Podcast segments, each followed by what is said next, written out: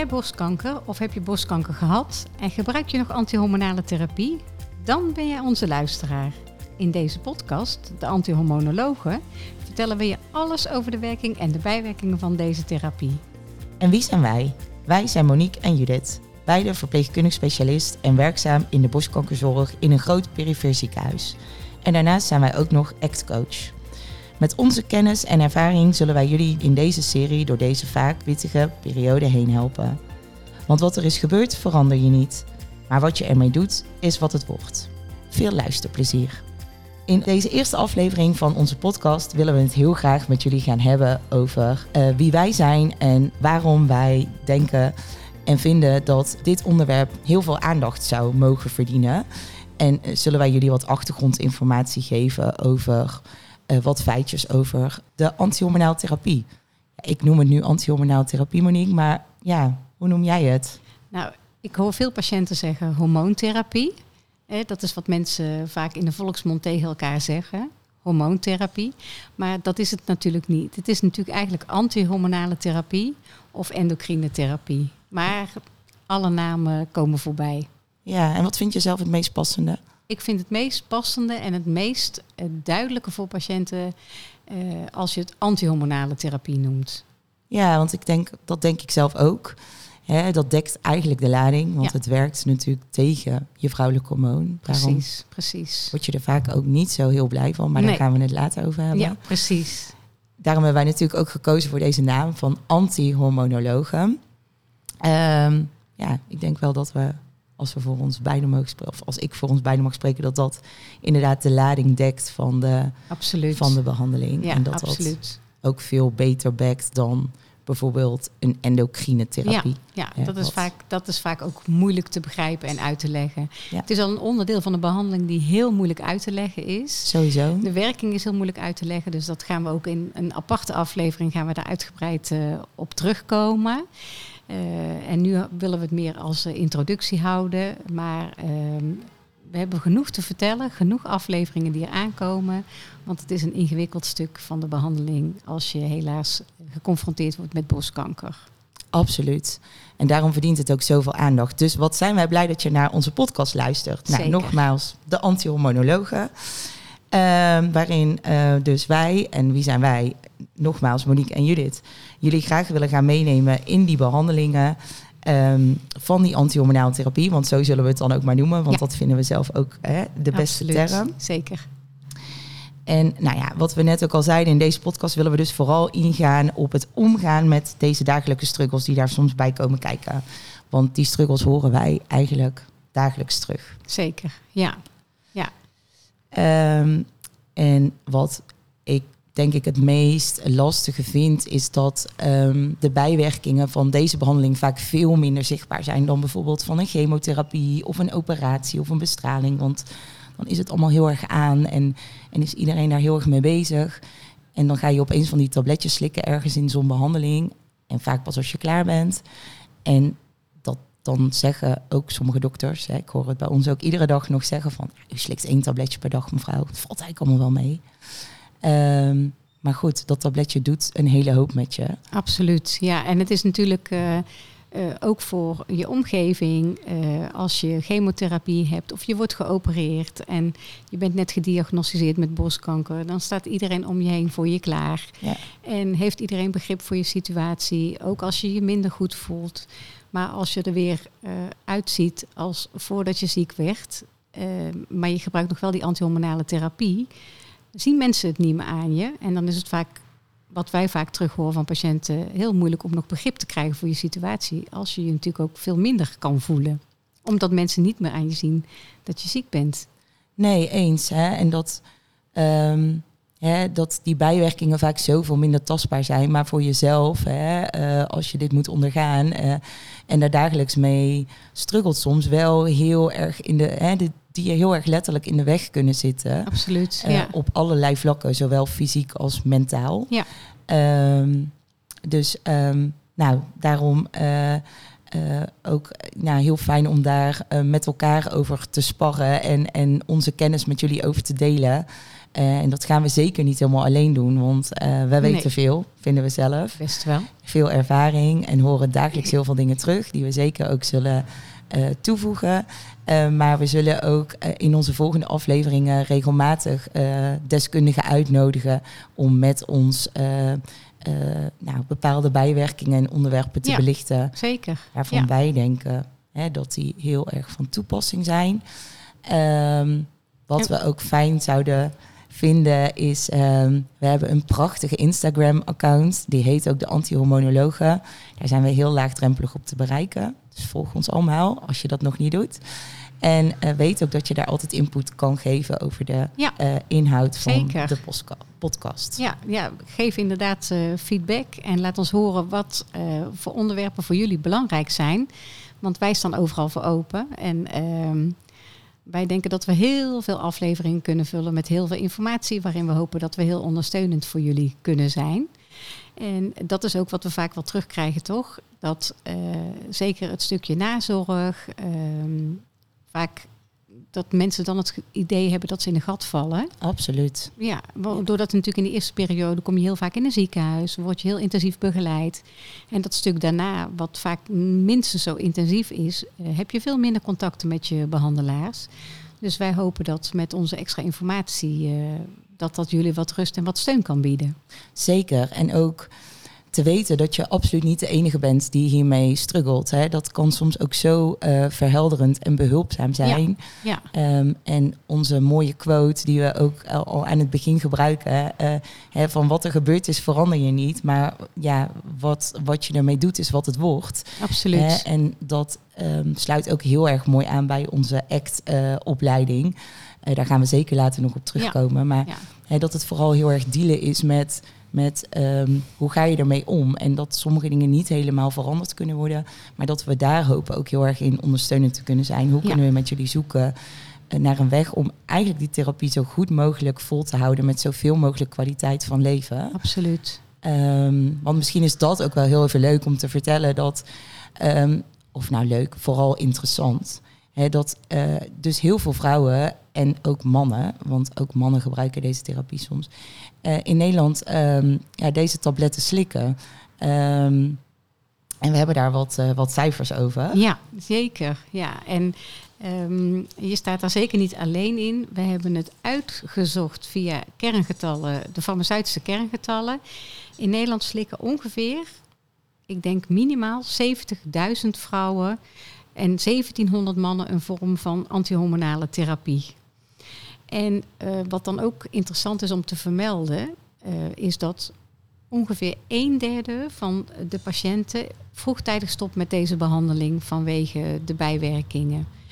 En uh, misschien ook interessant om te vertellen waarom wij nou zo uh, gefocust zijn om dit onderwerp bespreekbaar te maken. Misschien wil jij eerst vertellen over jouw opleiding. Absoluut. Uh, nou, misschien sowieso is dit ook het moment om ons wel een beetje voor te stellen. Hè, van, we hebben onze namen al een aantal keer genoemd. Uh, nou, ik ben uh, Judith, ik ben 37 jaar en ehm, ja, werkzaam eh, in, de, in het borstcentrum van een groot periferisch ziekenhuis in, in Nederland. Ik ben getrouwd, moeder van twee jongens en um, werk inmiddels sinds 2011 in de borstkankerzorg. En ben in 2013 afgestudeerd als verpleegkundig specialist. En uh, mijn afstudeeronderzoek uh, heb ik ook gedaan over de belevingen en ervaringen van deze behandeling met antihormonaal therapie. En um, nou, daar kwamen ook super mooie dingen uit voort. Uh, klein onderzoek wat je doet als verpleegkundig specialist, maar wel wetenschappelijk. En nou, dat heeft mij eigenlijk altijd wel sinds die tijd ook nou, doen inzien hoe pittig deze therapie is. En um, nou, hoeveel uh, het eigenlijk ook wel een ondergeschoven kindje is nog steeds. Hè? Vooral ehm, eh, denk ik ook wel op medisch gebied, hè, dat, dat, dat artsen wat makkelijker over deze therapie heen stappen. Hè, waar we het net ook al een beetje over hebben gehad. Dus ja, deze behandeling heeft eigenlijk daardoor ook wel in de dagelijkse praktijk eh, ja, echt wel mijn speciale aandacht. En begin dit jaar hebben we dan dus ook, dat hadden we net ook al over de opleiding tot act coach afgerond. En ja, wat je in deze opleiding ook wel leert, is dat je hè, leert omgaan met, met die beperkingen. Uh, en uh, ja, dat je dus dingen ook niet kan veranderen. Uh, maar dat stukje inzicht en daar tools in gekregen te hebben, um, ja, helpt mij om dat dagelijks in te kunnen zetten. Maar ook hopelijk in uh, deze mooie podcast, waarin we dat ook eigenlijk heel mooi willen verweven. Zeker. Waarbij ik nog wel even wil opmerken waar, waar ACT voor staat. Ja, dat is heel Uh, goed. want uh, wat zeggen, we hebben het nu al een paar keer heel makkelijk gezegd, maar Ja. het staat voor Acceptance and Commitment Therapy. Dus dat je inderdaad bepaalde dingen probeert te accepteren en om te gaan met wat het is. En eh, dat je eh, bepaalde dingen ook niet kunt veranderen. Dat is ook niet het doel van de therapie. Het is omgaan met wat het is.